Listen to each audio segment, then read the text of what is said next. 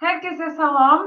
Kanalıma xoş gəlmisiniz. Ümid edirəm ki, çaylarınızı götürmüsünüz, rahatlıqla arxaya söykənmisiniz, oturmusunuz və məni izləyirsiniz. Birazdan qonağımı da qəbul edəcəm. Qonağıma artıq ə, göndərdim xəbərdarlığı ki, zəhmət olmasa da, ə, daxil olsun kanalımıza.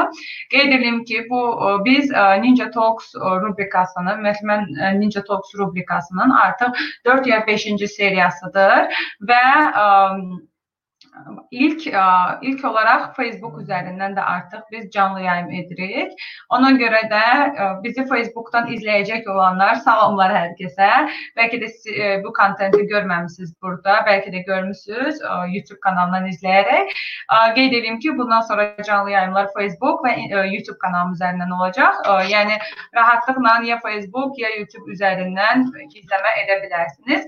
Çox maraqlı bir qonağım var. Çox-çox maraqlı qonağım var özünə çox hörmət elədiyim bir insandır. Psixoloq Ayda Nəbiyeva və onunla birlikdə karantin müddətində uşağımızın emosional və psixoloji inkişafı ilə necə məşğul ola bilərik, bundan danışacağıq.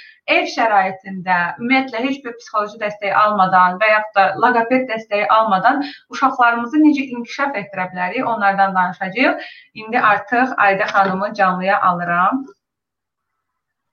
Salamlar Ayda xanım, necəsiniz? Salam, necəsiz? Yaxşı, sağ olun. Siz necəsiz? Yaxşı, çox sağ olun. Sizi gördük, lap yaxşı olduq. Bu ara çox darıxırıq deyəm. Artıq kimi görürük? İnsan çox danışmaq istəyir. İnanın ki. Necə keçir karantininiz? Nə edirsiniz uşaqla evdə? Çox pozitiv keçir əslində bizdə evdə. Bilmirəm, görürsüz canlı yayımlardan, videolardan falan. Ə, sadəcə biraz yorulma çoxdur. O da məlum çünki ev işləri falan hamısı bir-birinə qarışıb açıqcası. Hə. Amma fəaliyyət yerindədir. Bir tək ev işlərinin çıxmaq şərti ilə hər şey qaydasındadır. Əslində kalsa elə ən çox qarşılığımız da oradandır da ki, ə, belə deyək də, hamısı bir-birinə hal-hazırda qarşı. Bilmirsən ki, ev işini görəsən, bilmirsən öz işini görəsən, bilmirsən uşaqla məşğul olasan, bilmirsən yoldaşın da evdədir, yoldaşınla məşğul olsan, heç cürə bölünə bilmirsən və sonda görürsən ki, əslində hamısını eyni vaxtda eləmisən. Elədir, elədir, haqlısınız. Hətta son günlər mən düşünürəm ki, məsələn, əvvəlki işimlə işlərimi biraz daha ləng çatdırıram. Fikirləşirəm ki, məndə nə dəyişiklik baş verir. Sonra anlayıram ki, çox yerə bölünməkdəndir. Eynən, eynən razıyam sizlə. Çox yerə bölünən biri olaraq bunu çox gözəl başa düşürəm. Biz söhbətə başlamamışdan əvvəl ə, son bir xatırlatma eləmək istəyirəm izləyicilərə. Hal-hazırda bizi həm Facebook, həm YouTube üzərindən izləyənlər var. Ə, dostlar, siz də suallarınızı rahatlıqla yaza bilərsiniz. Qeyd edim ki, bizim bu canlı yayımlarımız çox interaktiv formada keçir. Yəni ə, biz söhbət edərkən də siz suallarınızı verirsiniz və ona uyğun da biz söhbət əsnasında həmin sual-cavab sessiyasını da keçirik. Yəni ilk öncə də sonda sual olur. Yox, belə bir şey yoxdur. Sual-cavabla interaktiv şəkildə keçir. Buyurun. Mən çox üzr istəyirəm. Hal-hazırda o zaman Instagramdan bizim canlı yayımız gedir, eləmi? Instagramdan yox, Facebook və ə, YouTube kanalım üzərindən. Ha, nə gözəl. YouTube'dan və YouTube-dan. Nəyə görə? Çünki ə, Instagramdakı canlı yayımlar 24 saat qalır. Və adamın qalıcılıq dəyişir. Eynən, və adamın heyfi gəlir o qədər çəkilən əziyyətə ki, nə qədər suallar verilir. Daha saf ki, 90% hər dəfə təkrar verilir. Ona görə Elə... mən aldım ki, Instagram üzərindən ancaq ə, belə belə deyək də səthi mövzuları ə, canlı yayım edəcəm. Daha çox YouTube-a və Facebook-a fokuslanacağam, çünki burada daha uzun ömürlü qalır. Ə, Ayda xanım, ilk olaraq suala mən başlayım o zaman. Hələ ki heç kim sual yazmır. Buyurun. Mənim ürəyim doludur. Düşünürəm ki, mən suallarımı verəndən sonra ə, auditoriya biraz aktivləşəcək. Ə, demək, birinci sualım bundan ibarətdir ki, Ə, ümumiyyətlə ev şəraitində evdə valideyn onunla neçə məsəl üçün belə deyək də uşaq uşaq kimi danışır. Yəni bu körpə dili deyir, bəlkə də körpə dili gedir, bilmirəm. E, məsəl üçün e, e, mən böyüyümdən deyim də 4 yaşı var, hələ də uşaq kimi danışır və onu mən ev şəraitində gündə neçə nə qədər müddət məşğul olaraq onun öhdəsindən gələ bilərəm və bu necə olmalıdır bu proses? Ə, bəli, çox gözəl sual verdi Səbah xanım. Həm də bizim hal-hazırda ən həssas mövzumuza toxundunuz. Niyə görə? Çünki bizim çoxsaylı disleksiya əlaməti uşaqlarımız var ki, hal-hazırda onlar sadəcə ev məşğələsinin ümidinə qalıblar və sözün açığı mən düşünürəm ki, bu canlı yayımımız da onlara çox faydalı olacaq. Təbii ki, onların bir çoxunun artıq ə, belə desək ev tapşırıqları var, amma ev tapşırıqları da təbii ki, bir müddətli idi, yenə də dəyişdirmək lazımdır. Amma uşaq dilində danışan uşaqlar dedikdə, bu əsasən dislektik uşaqlardır. El, el arasında onlara şirin danışan uşaqlar deyirlər. Və həmin uşaqlar əsasən 5-6 səsdə, bəzən isə daha çox, bəzən isə daha az səslərdə qüsurları ola bilər. Səsləri düzgün deyə bilmirlər. Bu uşaqlarla ümumilikdə təbii ki, mütəxəssis konkret işləyir, amma valideyn ümumilikdə işləsə daha yaxşıdır. Bu uşaqlarla məşğələ gün ərzində 15-20 dəqiqə müddətindən çox olmamalıdır. Gün ərzində 1-2 dəfə, bəzən isə çox ağır hallarda 3 dəfə təkrarlasanız daha yaxşı olar. Bir valideyn evdə dəstəkləyici tədbirlərindən bəhs eləmək istəyirəm. Bunlar hansıdır? Uşağın ağzının içərisinə olunan xüsusi masaj, hansı ki, evdə sadəcə valideyn bunu çox gözəl icra eləyə bilər. Adi tibbi bintlər dediyimiz bintlər var. Ananın barmağına dolanır. Bilirsiniz də, barmağınıza doladığınız an quru olur və sərt olur. Ağız içi bu şəkildə sağa, sola, dil altı, dil üstü, barmaq hər bir hissə yavaş-yavaş masaj olunur, amma burada sərtlik qəti olmamalıdır. Niyə görə? Çünki sərtlik bizə ə, aşırı dərəcədə həm aqressiya verə bilər, həm gərginlik verə bilər. Ə, daha sonra ə, uşağın ə, belə desək, nitqinin açılması üçün faydalı olan bir ev məşğələsi də deyim sizə.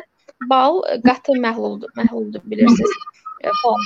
Yəni ə, bir yarım çay qaşığı balı uşağın ə, sağ tərəfdən olan ovurduna, ə, yarım çay qaşığını isə sol tərəfdən olan ovurduna içəri tərəfdən qoyursunuz. Hı -hı. O halda Aa. təbii ki, sizcə hansı hərəkətlər başlayacaq uşaqda? O necə qoy? Hə, şeylə, aha. Ağız tərəf, əlinizlə də eləyə bilərsiniz. Əgər tibbi əlcək giyinsəniz, əlinizlə də eləyə bilərsiniz, amma qaşıqla da eləyə bilərsiniz. Və bunu bu halda keçirdikdə e, bir dəqiqə qızım icazə ver. Hə, bunu bu halda keçirdikdə olmaz. Hə, bunu bu halda keçirdikdə uşaq təbii ki, belə desə marçıldadıcı hərəkətlər eləyəcək Bu da eyni zamanda yanaqların, ə, dil altının, dil üstünün və ağız ətrafının əzələlərin inkişafına çox yaxından kömək eləyir. Ə, və sonuncu bir məşğələ də variantı deyəcəm. Adi sadəcə evdə hər bir valideynin uşağına aldığı diş fırçaları var. Onların Aha. yeni variantını götürürsüz, işlədilməmiş. Onların arxa tərəfi ilə üzün üz hissəsini və e, e, belə desə dilikli tərəfi ilə də üst hissəsini masaj eləyirsiniz. Bir variantını da götürürsüz, digər təmiz variantını. Onu isə dilin içəri tərəfini masaj eləyirsiniz. Ağzın içəri tərəfi. Əsas məqsəd burada belə başa düşdüm ki, uşağın içəridə dilini maksimum oynatmasıdır. Belə izah eləyək. Bizim ə, ən çox loqopediyada istifadə elədiyimiz, təbii ki, mən loqoped deyiləm, sadəcə biz bu dərsləri keçmişik deyə nisbətən məlumatlarım var. Ə, belə desək, ə, ən çox loqopediyada istifadə olunan ə, təmrinlərdən biri ə, dilin gimnastikasıdır.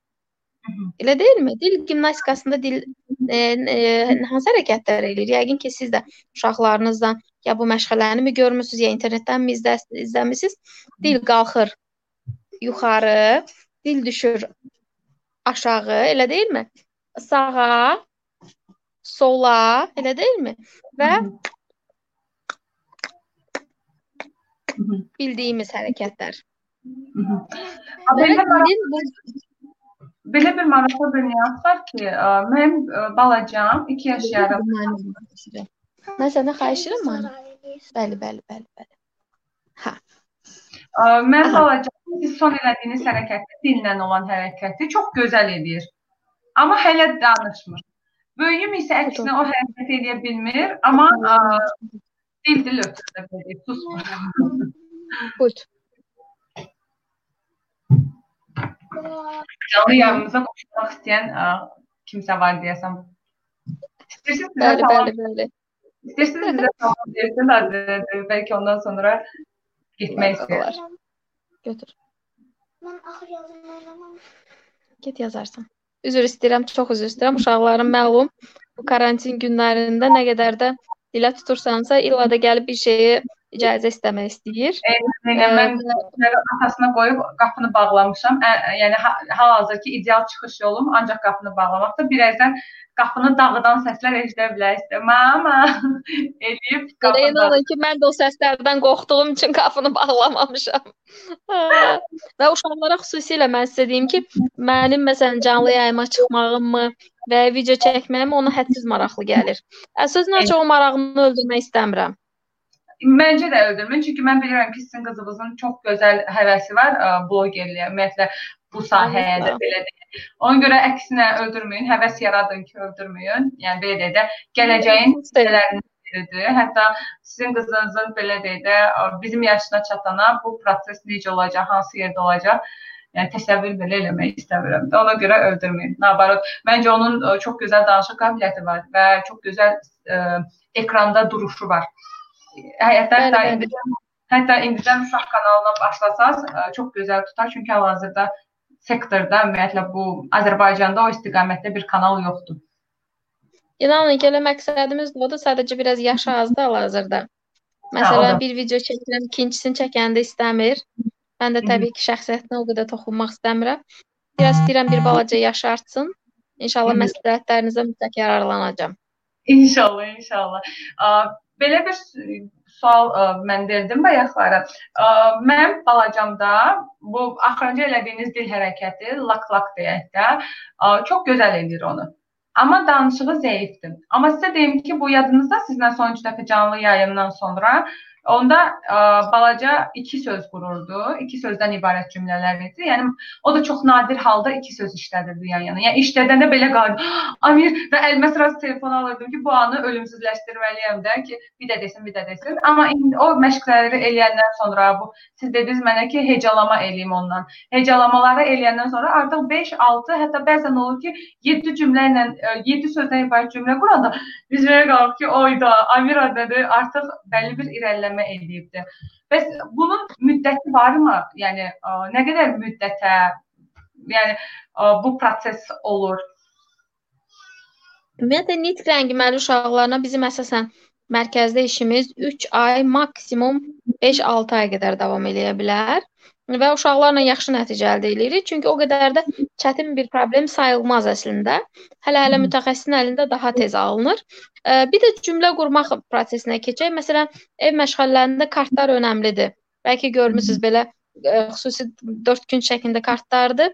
Orada heyvan formaları var və ya bitkilər var, o var, bu var. Bəli, onları bir-bir uşağa dedizdirmək mütləqdir gün ərzində. Çünki söz ehtiyatını artırırıq. Bir də ən önəmlisi uşağa üzr istəyirəm hərəkət kartlarını göstərirsiniz. Məsələn, ə, Fatih dişini fırçalayır. Hı -hı. Əgər uşağın nitqində lənglik varsa, o karta baxarkən ancaq ya diş sözünü deyəcək, ya fırça sözünü deyəcək və yaxud da ki, oğlan deyəcək. Siz bu ə, if, verilən cavabların heç birindən çəkinməyin, qorxmayın. O cavabı da geri alın. Və cavabı dedikdən sonra, məsələn, tutaq ki, əgər deyirsə fırçalayır, fırça ə, nəyi, nəyi fırçalayır? Sualına cavabı dişi. Alın. Bu hələlik sizə bəs eləyər. Bu iki sözlü cümlənin qurulmağına kömək eləyəcək. Daha sonra üç sözlüyə keçəcəyik. Kim? Oğlan. Və beləliklə də oğlan dişini fırçalayır. Cümləsini əldə elədik. Və desəz ki, məsələn, siz indi əmirlə hansı davranışları eləməlisiniz ki, cümlələriniz tamamilə böyüsün? E, şəkilli kitablar var. Hı -hı. Hansı ki, o şəkilli kitablarda bütöv bir ssenari var. Baba tarlanı əkir, elə deyilmi? Nənə, nənə ona kömək olur, nəvəsi vedrəni gətirir. Bax bu mətnləri gün ərzində sizin uşaqla işləmək lazımdır və ən çox da mən məsləhət görərdim nəyi? Sizin uşağa hər zaman hər hansı bir hərəkəti eləyərkən sən indi hal-hazırda nə etdin? Hardan gətirdin? Hara aparırsan? Niyə aparırsan kimi suallarını verin. Bu sözlü məntiqi təfəkkürün inkişafına bəli sizə yaxından kömək olacaq. və həqiqətən də inkişafında önəmli rol oynayacaq və sonra görəcəyik ki, həmin uşaq sərbəst şəkildə iri cümlələr qurur. Mhm. Aa, gün ərzində nağıl oxumağa da cəhd eləyin. mhm. Bir də Ayda xanım, bunun hiperaktiv uşaqlar tərəfi var. Hansı ki heç bir halda oturmur kartların üzərində o məşğul olmağa və yaxud da o kitabı açmağa belə icazə vermir. Belə uşaqlı uşaq olan valideynlər nə etsin o zaman? Onlar necə məşğul olsunlar bu proseslə? Bilirsiniz necədir? Əslində ə, floor time modeli var, bilirsiniz. Bu yer saatı, oyun saatı adlanır. Həmin modellə bu valideynlər gedə bilər. O tip uşaqlar ümumiyyətlə stol üstü məşğələlərini sevmirlər. Ancaq oyun terapiyası və yer saatlarını sevirlər və onlardan belə desə 10 cəhdinizdən hansısa ikinə, ikisinə cavab alacaqsınız ki, bu da sizin o zamanki ki- gün üçün böyük uğurunuzdur. Bir də valideynlərimiz biraz çalışır mükəmməliyətçiliyə. Yəni necə? Yəni hər vəcdən o mənim sualıma mütləq cavab versin. Başa düşürsüz necədir? Yəni onlar düşünür ki, bəzi valideynlərimiz, bizim öz valideynlərimiz elə düşünür ki, biz mütəxəssislər də hər dəfə cavab alırıq. Və ya biz Hı -hı. mütəxəssislər də elə çox asanlıqla ilk cavabları almışıq. Xeyr. Yəni hər bir zaman səhvlər və sınaqlar metodundan keçib və inanın ki, bizdə də cavab almadığımız vaxtlar var və hiperaktiv uşaqlar hərəkətlə, hərəkətlə danışığı inkişaf elətdirməyi çox sevirlər. Məsələn, hündürlükdən hoppanarkən bunları elətdirə bilərsiniz və ya top zıplama topları var. Çox elədiyim zəif gəlir. Hal-hazırda elədiyim deyirəm, çünki mənim bala böyüyümü çox rahat ə, saatlarla, hətta Zıplama özümə səslər zəif gəlir. Aa, okey, bir dəqiqə. Mən bir dənə mikrofonu tam açım. Bəlkə məndə nəsə burada şey var. Səsim indi gəlir rahat. Zəif gəlir biraz. Sizdə bir dənə baxın görün, ə, bu mikrofon hissəsi tam açıqdır. Ayda xan. Açıqdır. Aha. Açıqdır, açıqdır tam. İndi gəlir səsim. Gəlir biraz az gəlir. Amma eşidirəm sizi. Tamamdır. Bir də belə bir nüans var Ayda xan. Baxın, mən indi öz nümunələrimdən deyirəm, çünki hələ ki sual-cavab verən yoxdur. Bu arada hər kəs hər kəsə salam təkrar. Hamı salamlar yazır. Deyirəm birdən salamı almaram deyərlər ki, görmədilər bizim ə, müraciətimizi falan. Hər kəsə salam. Rahatlıqla öz suallarınızı, uşaqlarınızın nitq inkişafı ilə bağlı, ə, evdə nələr edə bilərsiniz, bununla bağlı suallarınızı ə, mütəxəssisimizə cavab ə, yaza bilərsiniz. Ə, Canlı yayımın aşağısında mütəxəssisiniz kimdir və bugünkü mövzumuz nədir oxuya bilərsiniz rahatlıqla və suallarınızı verməkdən çəkinməyin. Ə, Belə bir sualım olacaq. Ə, İki uşaqlı evdə iki daha artıq evdə. Ə, Məsələn, mən yaşadığım problemdən danışım. Ə, Emili böyüyümüm ə, çox rahatlıqla ə, masa arxasına otuzdurub öyrədə bilirəm saatlarla. Hətta bəzən olur ki, o məni bezdirir ki, yenə öyrənək, yenə öyrənək. Mən məsəl üçün 30 dəqiqədən artığına üstün vermirəm, çünki qorxuram ki, okey, indi həvəsli ola bilər, sonradan bunun həvəsi ölər. Amma o bəzən olur ki, məsəl üçün aşırı doza ilə gəlir. 1 saat, 1 saat yarım, hətta 2 saat belə məşğul olduğumuz vaxt var. Və artıq mən demişəm ki, Emil bezdin artıq. Yoruldum. Əl çək. Yəni mən də istirahət eləmək istəyirəm. Amma balacamda bu tam əksinədir. Divandan hoppananda öyrənirik. Ə, yemək yeyəndə öyrənirik. Yatanda danışırıq, söhbət edirik. Əllərimizlə daha çox, kölgələrlə çox sevir bu şeyləri. Və bir də bir maraqlı nüans var ki, stol arxasına ancaq qardaşı ilə birlikdə oturur. Yəni qardaşı olmasa, mən ona heç bir formada və heç bir halda stol arxasına otuzdurub ona nəsə öyrədə bilmərəm. Öyrətimlə bağlı nə oldu? Qardaşını yanında istəyir və qardaşı ona öyrədəndə öyrənir. Yəni mən deyirəm, sanki mən havaya deyirəm. Amma mən dediyimi Emilə deyirəm, böyüyümə deyirəm, böyüyüm ona deyir. Hə, o zaman təkrarlayır. Və düzdür, bir yandan çox pis sınıram E, burada. yəni belə danışaq. Öyrət, öyrənmə çox geniş və çox çalarlı bir prosesdir. Nə fərqi var ki, sizin uşağınız hansı formada öyrənir? Yetər ki, öyrənsin E, və pedaqoji qabiliyyət də ona deyilir ki, müəllim uşağın öyrənmə tempini tutur. Psixoloq olsun, pedaqoq olsun, dialektoloq olsun, valideyn özü olsun. Uşaq hansı tempdə rahat öyrənə bilirsə, o tempdə də öyrənsin. Yəni inanın ki, elə uşaq var ki, bilmirəm, su oyunları oynayarkən öyrənir. Olsun, yetər ki, öyrənmə bacarığı aktivləşir o zaman. Yəni bunun işə yarayışı var. Bir də e, kim deyir ki, hər bir uşaq mütləq stolda oturmaq bacarığı olmalıdır. Bilirsiniz də, müasir təhsil modelində hətta ə, hər yarım saatdan bir uşaqlar ayağa qalxır, aktivləşir. Ə, artıq belə desək də, tam olaraq oturma formasında olan dərslər hal-hazırda o qədər də təqdirə layiq sayılmır. Yəni bu normal bir prosesdir və mən sizə məsləhət görərdim ki, o zıplama topları vasitəsilə onu öyrədin, hoppanmalar vasitəsilə hündürlükdən atlama və ya bəlli bir oyun oynayarkən ondan işləyin və inanın ki, daha yaxşı nəticə əldə edəcəksiniz. Nəinki siz onu masa başına keçirsəz.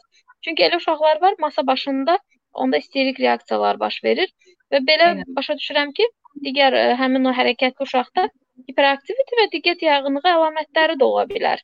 Və həmin əlamətdə olan uşaqlar ə, e, bir yerdə oturmağı sevmirlər. Və monotonluğu sevmirlər. Bir də belə bir şey var. Düzdür, mən hələ ki narahat olmuram. Bəlkə də məktəbə getmir uşaqlar. Məktəbə hazırlaşma periodumuz deyil. Məsəl üçün dəfələrlə olub ki, biz yerdə oynadığımız vaxt story çəkib paylaşmışam və izləyicilərdən belə reaksiya almışam ki, stola öyrədin, məktəbə gedəndə ona çox çətin olacaq. Yəni belə bir şeylər. Bu konkret mən sizə bir şey deyim. Bu konkret Sovet yanaşmasıdır. E, düzdür, səhv yanaşma deyil. E, bu yanaşmada da bir həqiqət var. Amma hal-hazırda dünya e, bu prosesə rəngarəng baxır. E, ona görə də hesab edir ki, uşağa fərdi yanaşma olmalıdır. Hətta bizim mərkəzdə belə uşaq elə uşaqlar var ki, biz onlara masa, masa başı dərsləri məsləhət görmürük. E, və o dərslər o uşaqlara aqressiya verir. Xalça üzərində və yaxud da ki, matlar üzərində keçirik. Normal bir prosesdir, amma hər hansı bir valideynin sizə bu cür yanaşmağı da normaldır. Niyə görə? Çünki onun ə, ə, öyrəndiyi ənənəvi təlim üsulu ə, əsasən Sovet dövrünün təlim üsulu üzərində qurulub ona görə. Bir də belə bir şey soruşmaydı xan.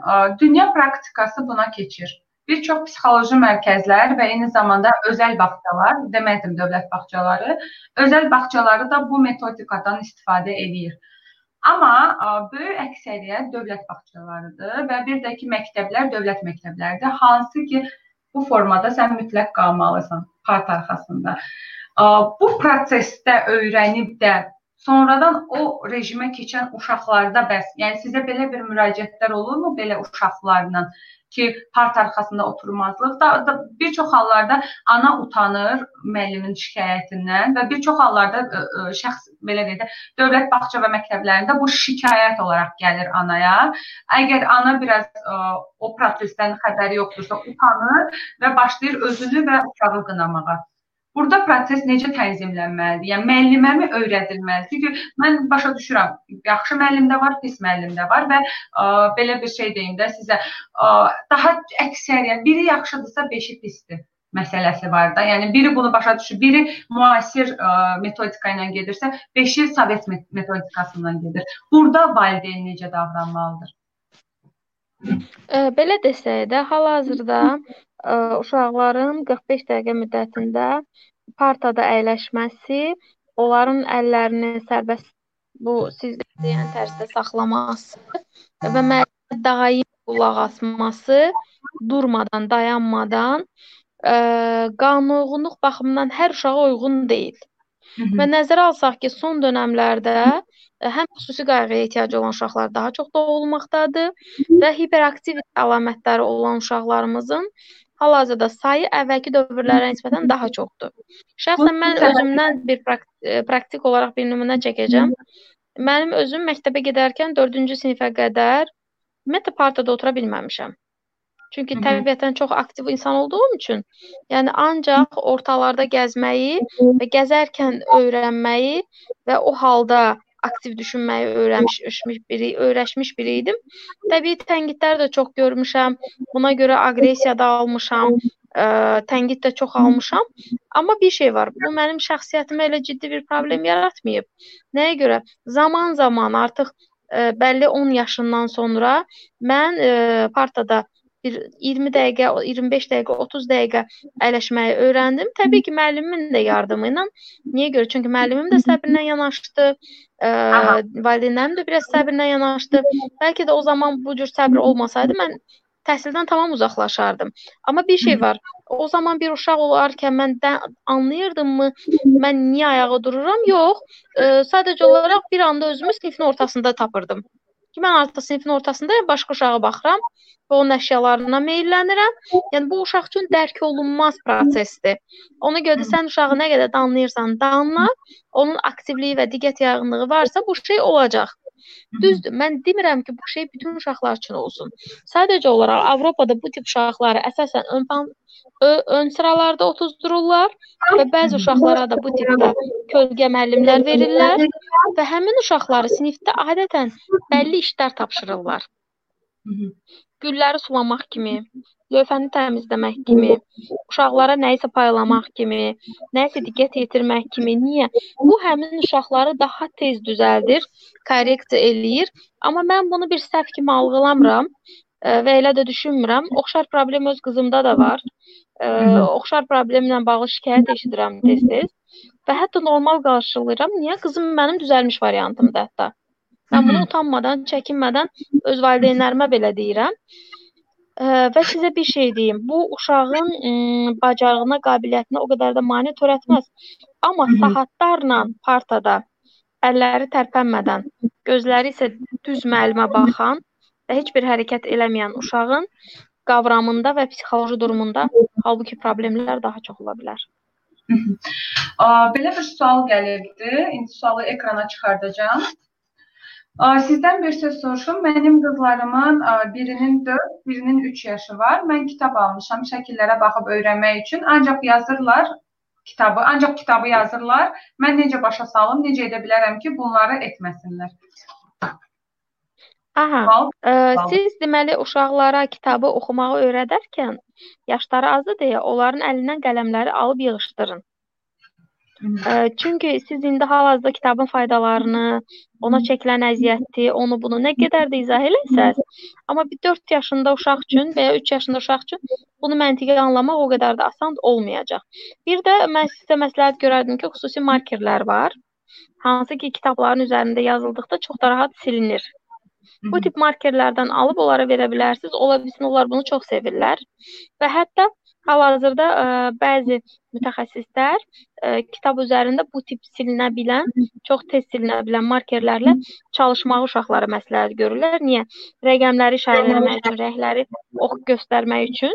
Bundan da yararlana bilər valideyn. Yəni problem deyil. Aha. Belə bir ə, e, fikir mənə çox maraqlıdır. Mən uşaqlığımda belə olmuşam və buna görə çox tənqid almışam ailəm tərəfindən daha doğrusu anam tərəfindən hamımızın aldığı kimi. Deməli mən dərslərimi televizora baxa-baxa eləyirdim. Və hər zaman gəlib yeganə rəy bu olurdu ki, güya indi sən kitabı dərs oxursan da mənim üçün bir gözüm televizorda, bir gözüm burada və hər zaman əlaçı olmuşam. Yəni ə, 11-ci sinifdə bir dənə 4-üm çıxıbdı, vəssalam. Və əlaçı sözünün haqqını verərək də, yəni bilgili əlaçı olmuşam, qiymət yazılanlardan olmamışam. Amma ömür boyu da anam bundan mübarizə aparıb ki, mən sırf dərs oxuyuramsa dərs oxumalıyam. Televizora baxıramsa televizora baxıram. Məsəl üçün hal-hazırda uşaqlarım ə, deyək ki, ə, eyni zamanda iki işi görəndə mən əksinə sevinirəm. Çünki düşünürəm ki, bu onlarda multi multitasking deyirik də, yəni bir neçə işi eyni anda görmə qabiliyyətini artırır. Yəni beyin iki tərəfli düşünür də, yəni həm bunu edir, həm onu edir, həm ona fokuslana bilir. Bunun ümumiyyətlə psixoloji məsələdə və yaxud da digər hissədə hər hansı bir açıqlaması varmı belə uşaqlarla bağlı? Var, təbii ki. Bu asılıdır uşağın ə, e, psixi proseslərinin aktivlik səviyyəsindən. Təfəkkür səviyyəsi yüksək olan, diqqətində xüsusi problem olmayan uşaqlar, ə, e, diqqətin ə, e, paylanmasını ideal bacaran uşaqlar eyni anda həm televizora baxa bilər, həm yazısını yaza bilər, həm telefon zəngininə cavab verə bilər. Bu sayədə problem yoxdur. Sadəcə olaraq ə, belə bir şey deyim. Bu asılıdır uşağın psixi proseslərinin nə qədər keyfiyyətlidir ondan. Ə, ananız əslində o zaman haqlı idi. Niyə görə? Çünki ə, normalda uşaqlarda bu proses ə, yoxlanıb, əmin olunub sonra işlədilməli idi. Başa düşürsüz necədir? Və ananız da o dövr üçün tam əmin olmadığı üçün sadəcə bilirdi ki, belə bir şey o qədər də düzgün deyil. Amma istisna hallar var. İstisna halları isə adətən mütəxəssislər rəy verir ki, yəni bu uşağın belə bir paylama bacarığı var. Amma sizin oxumaq göstəriciniz zaten onu da sizə verirdi, onu da deyim. E, bir şey də izah eləyim.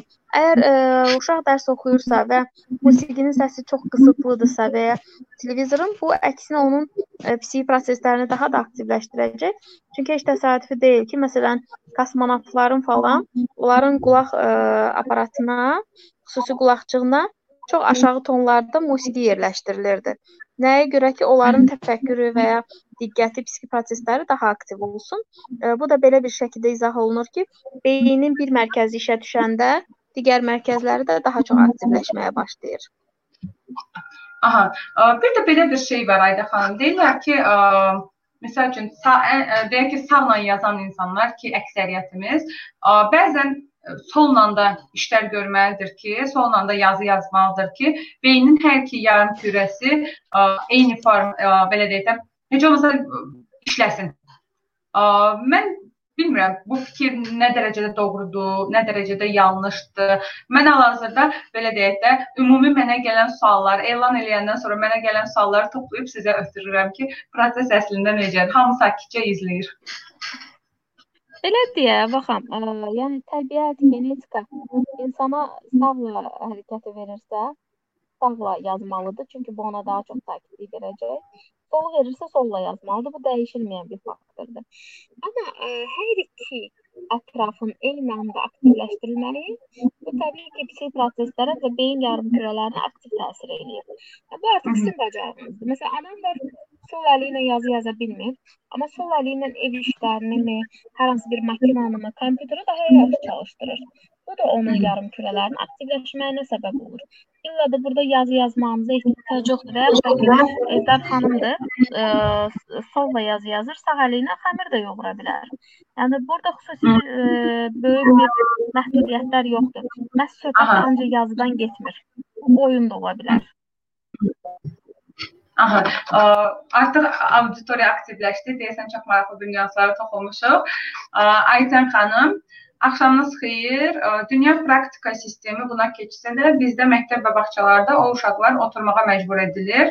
Oğlum özəl bağçaya gedir və indi dövlət bağçasına gedir. Öyrənməklə bağlı problem yoxdur, ancaq oturmaq istəmir, hərəkətlidir. Ayda xanımın qeyd etdiyi kimi evdə işlər tapşırılanda həvəslə edir müzakirə üçün təşəkkürlər. Bu sual deyilmiş. Keçən növbəti ə, mən sizə bir şey deyim. Biz valideynlər ə, bəzi məktəb və bağça sistemi ilə özümüz sakit, təmkinlə faktlarla mübarizə aparmağı bacarmalıyıq. Amma ə, yəni əsaslandıraraq. Hı -hı. Mən sizi inandırım ki, valideynlərə də bəzən irad bildirəndə, haqlı yerdən e, valideynlər irad bildirəndə, yəni bir çox hallarda məktəb müəllimləri belə qəbul eləyir onu. Yetər ki, onun etik çərçivələr daxilində, yəni e, mütəxəssisə və ya valideynə çatdırılsın. Növbəti suala anar verir. Salam Ayda xanım, mənim qızımın 4, oğlumun isə 3 yaşı var. Bir şeyi öz aralarında bölüşə bilmirəm. Aha. Məncə bir şey Allah saxlasın öz... maşallah Anabel. Demək, mən belə bir şəkildə izah eləyim də. Ə, Anar bəyi tanıyıram, səhv eləmirəmsə, salamlayıram. Nə gözəl. Ə, bu uşaqlar arasında əgər mübahisələr varsa və ya nəyi bölüşdürə bilmirlərsə, bu valideynlərin daha çox hakimlik rolunun bir qədər zəif olmağından xəbər verir. Ə, ana ə, bəlli bir oyuncağı mı və yaxud da bir qidanı mı göstərir, ə, onu kimin nə qədər kimə nə aid olduğunu bildirir. Əgər qaydalar pozularsa, valideyn mütləq müdaxilə edir. Yəni hər bir şeyi də bölüşdürməyi illa da uşaqlara tapşırmayaq. Belə bir nüans var Ayda xanım, bu bölüşdürmə ilə bağlı. Əslində qalsa uşağın nəyisə bölüşdürməməsi bir Çox da misal üçün mən bundan çox rastlaşmışam. Mən böyüyüm bölüşməyi çox sevmir və mən bunu çox başa gözəl başa düşürəm ki, ona öz özünün çox özəli kimi yanaşır və bir də ki, bəzi insanlarla bölüşür, bəziləri ilə yox. Amma cəmiyyətdə heç də hər kəs bunu uşağın xasiyyəti olaraq qəbul etmir. Dərhal uşağın üzünə baxaraq paxıl, bu nə paxıllıqdır? Paxıl olma, ver falan bu kimi reaksiyalar verilir dəfələrlə olub ki, çox sərt bir şəkildə geri dönüş etmişəm ki, uşağımın üzünə baxaraq elə neqativ ötürməyin uşağıma və mən uşağımı ümumiyyətlə uşaqlarımı belə şeylərdən qoruyan biriyəm. Yəni əsassız əsassızcasına və s.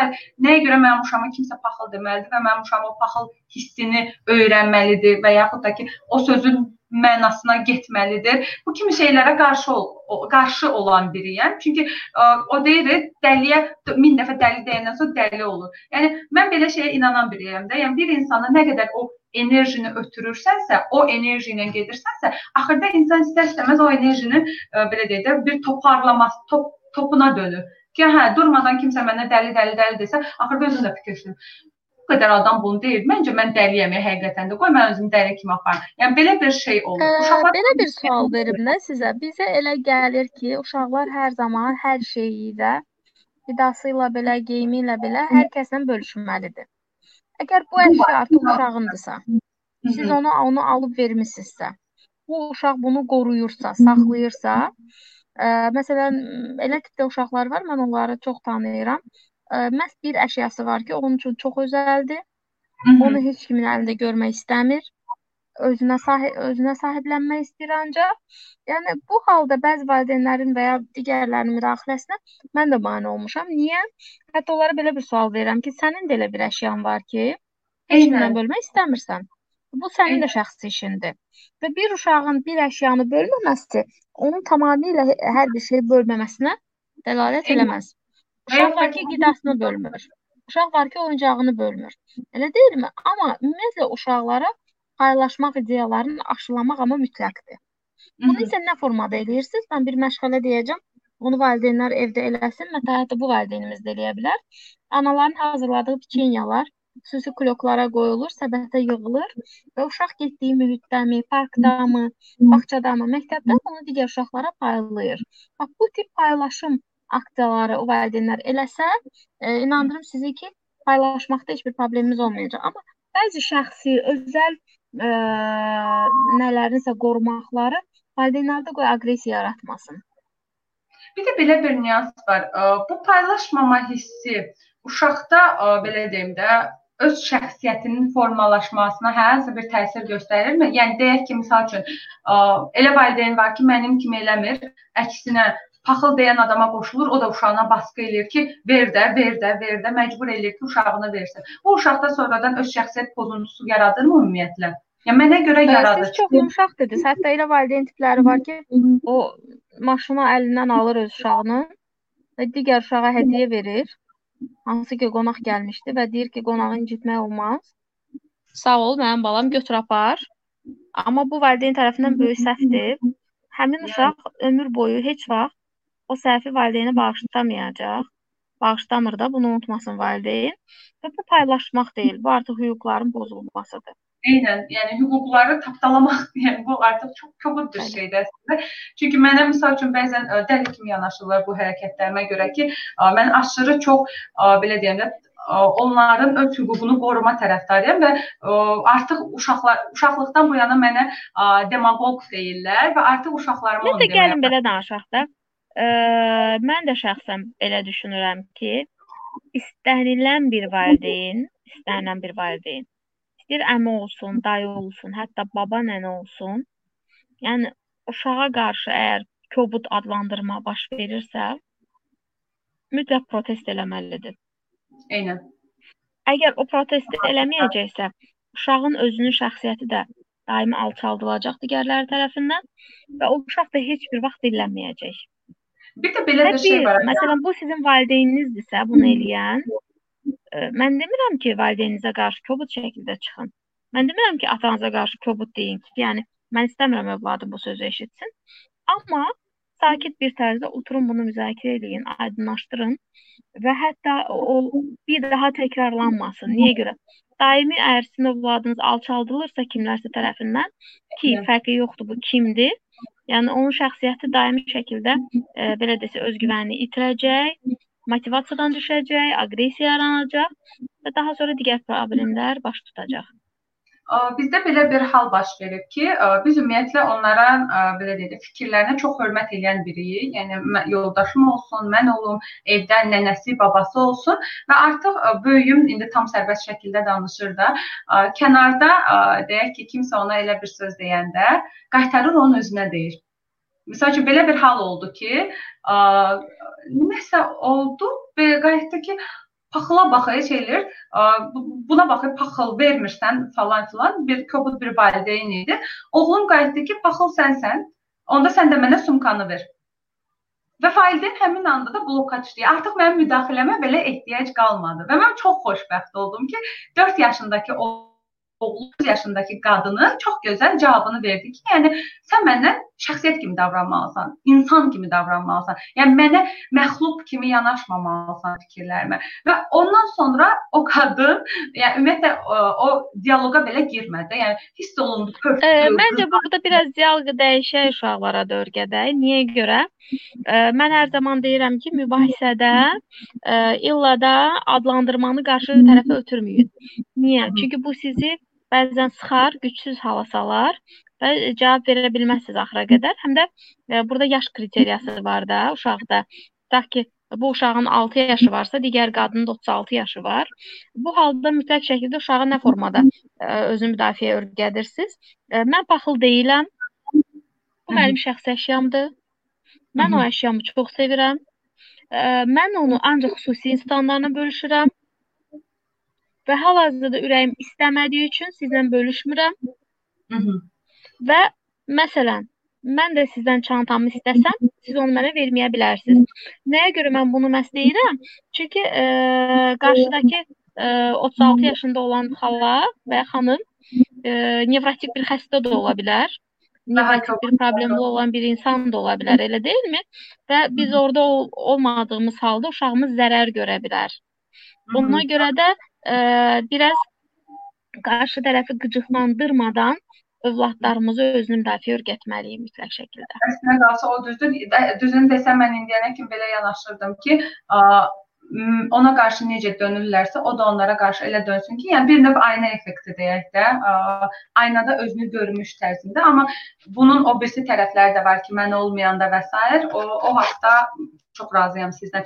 Suallarımız artıqdır Ayda xanım. Gəlin keçək suallarımıza. Aytən xanımın sualı var. Belə bir məlumat eşitmişəm ki, uşaqlar yatmamışdan öncə verilən məlumatı daha yaxşı yadda saxlayır. Bilmək istəyirdim, bu nə dərəcədə doğru fikirdir? Çox düzgündür. Biz yatmamışdan öncə, bir də səhər tam durmamışdan öncə tam gözümüzü açmamışdan öncə yaddaşın ən aktiv vaxtıdır və o vaxtlar siz uşağınıza istəyirsiniz dil öyrədin, istəyirsiniz e, sözlər öyrədin, istəyirsiniz nağıl danışın, istəyirsiniz məntiqi söhbət eləyin, gün ərzində öyrəndiklərindən daha yaxşı yadında qalacaq. Buna görə də şuurun qapısı açıqdır belə desək, həmin saatlarda. Yatanda ə, nağıl oxuyun, nağıl oxuyun, nağıl oxunur. Bəli. Deyə. Yəni ə, bəs biz niyə görə psixoloqlar ə, belə desək, sakitləşdirici, motivasiya verici təmrinlərin çoxsunu ə, gecə yatmamışdan öncə, səhər durmamışdan öncə məsləhət görürük. Aa, tamamdır. Yəni şuurun qapısı daha açıqdır, belə desək, aktiv açıqdır. Hı -hı. Onda bundan sonra uşaqlar oyanmamışdan gəlib qulaqlarına deyəcəm. Bəs nəyə görə biz ana, ana, analara məsləhət görürük ki, siz uşağınız səhər durmamışdan öncə çalışın bir vaxt tapın, gedin onu qucaqlayın, öpün, qulağına onunla bağlı xoş sözlər deyin, necə bacarıqlı olduğunu deyin, nələri yaxşı bacardığını deyin və nəyi bacaracağını da deyin. Bu onun həyatına yaxşı təsir olacaq.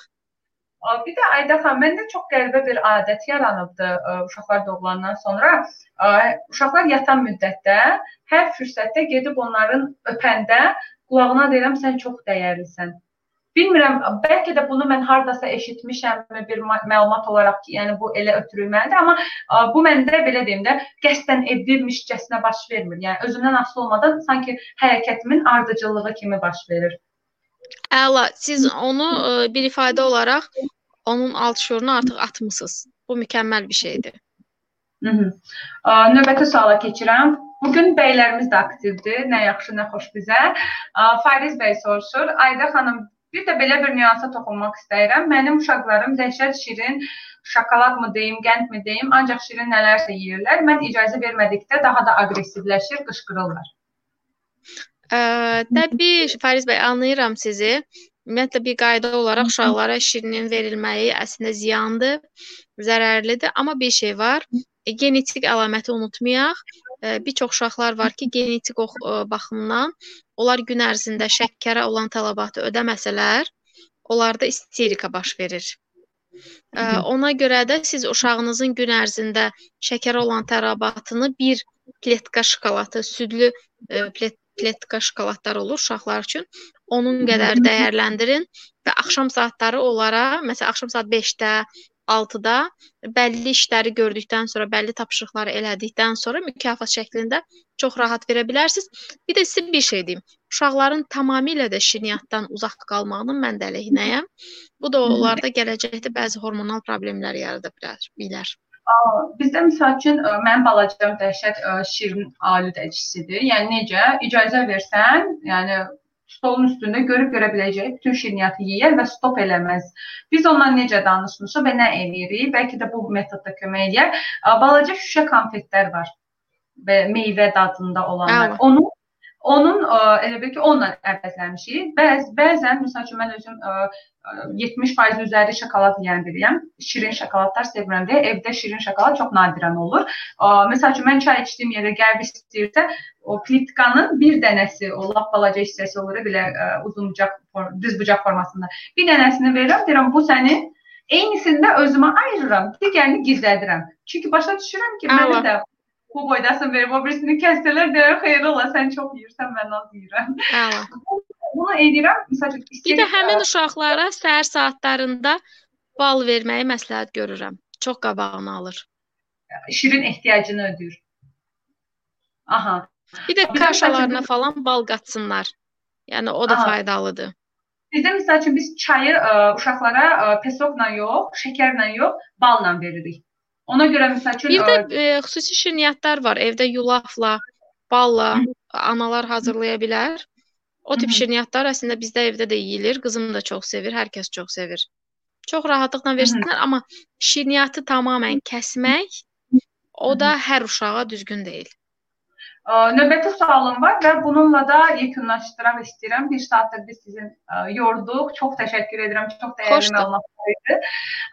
Növbəti sual belədir. Salamlar Ayda xanım. Mənim uşaqlarım yeməkləri çox seçir və yemək yedirməkdə çox çətinlik çəkirəm. Çox gözəl sualdır. Bu sualla tez-tez qarşılaşıram mən. Belə bir fikirdeyim. Siz özünüz, nə bilim 35, 40, bəlkə də neçə yaşa gəlmisiniz Amma mətbəxdə olan bütün yeməkləri sevmirsiniz, elə deyilmi? Çünki bu sizin genetik xüsusiyyətinizdir. Eyni zamanda bu övladınızın da bəlli bir genetik xüsusiyyəti var. Məsələn, elə uşaqlar var, ə, məsələn, badımcan tə tərkibli yeməkləri ancaq 6 yaşından sonra yeyə bilir. Elə uşaqlar var, çuğundur kimi yeməkləri ancaq 15 yaşından sonra yeyə, sevib yeyə bilir. Kələm kələm kimi və yaxud da ki, göyərti kimi qidaları ancaq 15-20 yaşından sonra yeyən tiplər var. Yəni bu genetik xüsusiyyətdir. Bu genetika ilə idarə olunan bir şeydir. Ona görə də uşağınız nə sevirsə, onu sağlıqlı bir şəkildə, ona faydalı olan bir şəkildə hazırlayın, ona verin. Niyə görə? E, ola bilsin ki, siz ona nə bilim quş südü verəsiz, hansı ki o sevmir, amma sizin övladınız nəticədə o həmin qidadan aqressiya ilə qəbul elədiyi üçün, adresiyalar yediyi üçün normal tərkibdə vitamin almayacaq və həmin sizin o övladınıza verdiyiniz yeməyin uşağınız üçün heç bir faydası olmayacaq. O zaman bu suala əlavə olaraq mən də birini soruşum və yekunlaşdıraq canlı yayımımızı. Bir də belə bir nüans var ki, məsələn, heç vaxt dadını bilmədiyi yeməyi və yaxud da qidanı deyək ki, göyərtir Görən kimi deyir, yox, mən bunu istəmirəm. Yəni dadını belə bilmir necə bir şeydir. Bu nə ilə əlaqədardır o zaman? Yəni mən məsələn Ümumiyyətlə belə deyək də, uşaqlar ə, çox seçicidirlər. Qoxuya, görüntüyə, ə, formasına, ə, hər bir şeyə qarşı çox seçicidirlər.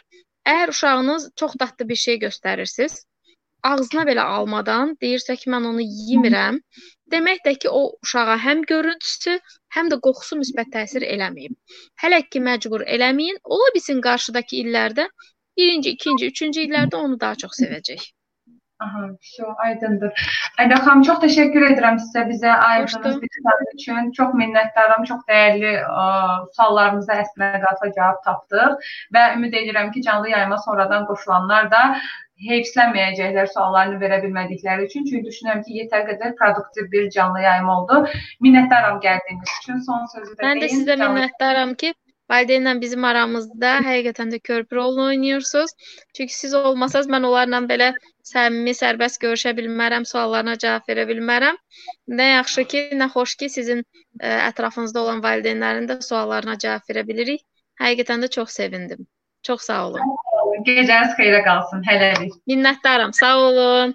Aa,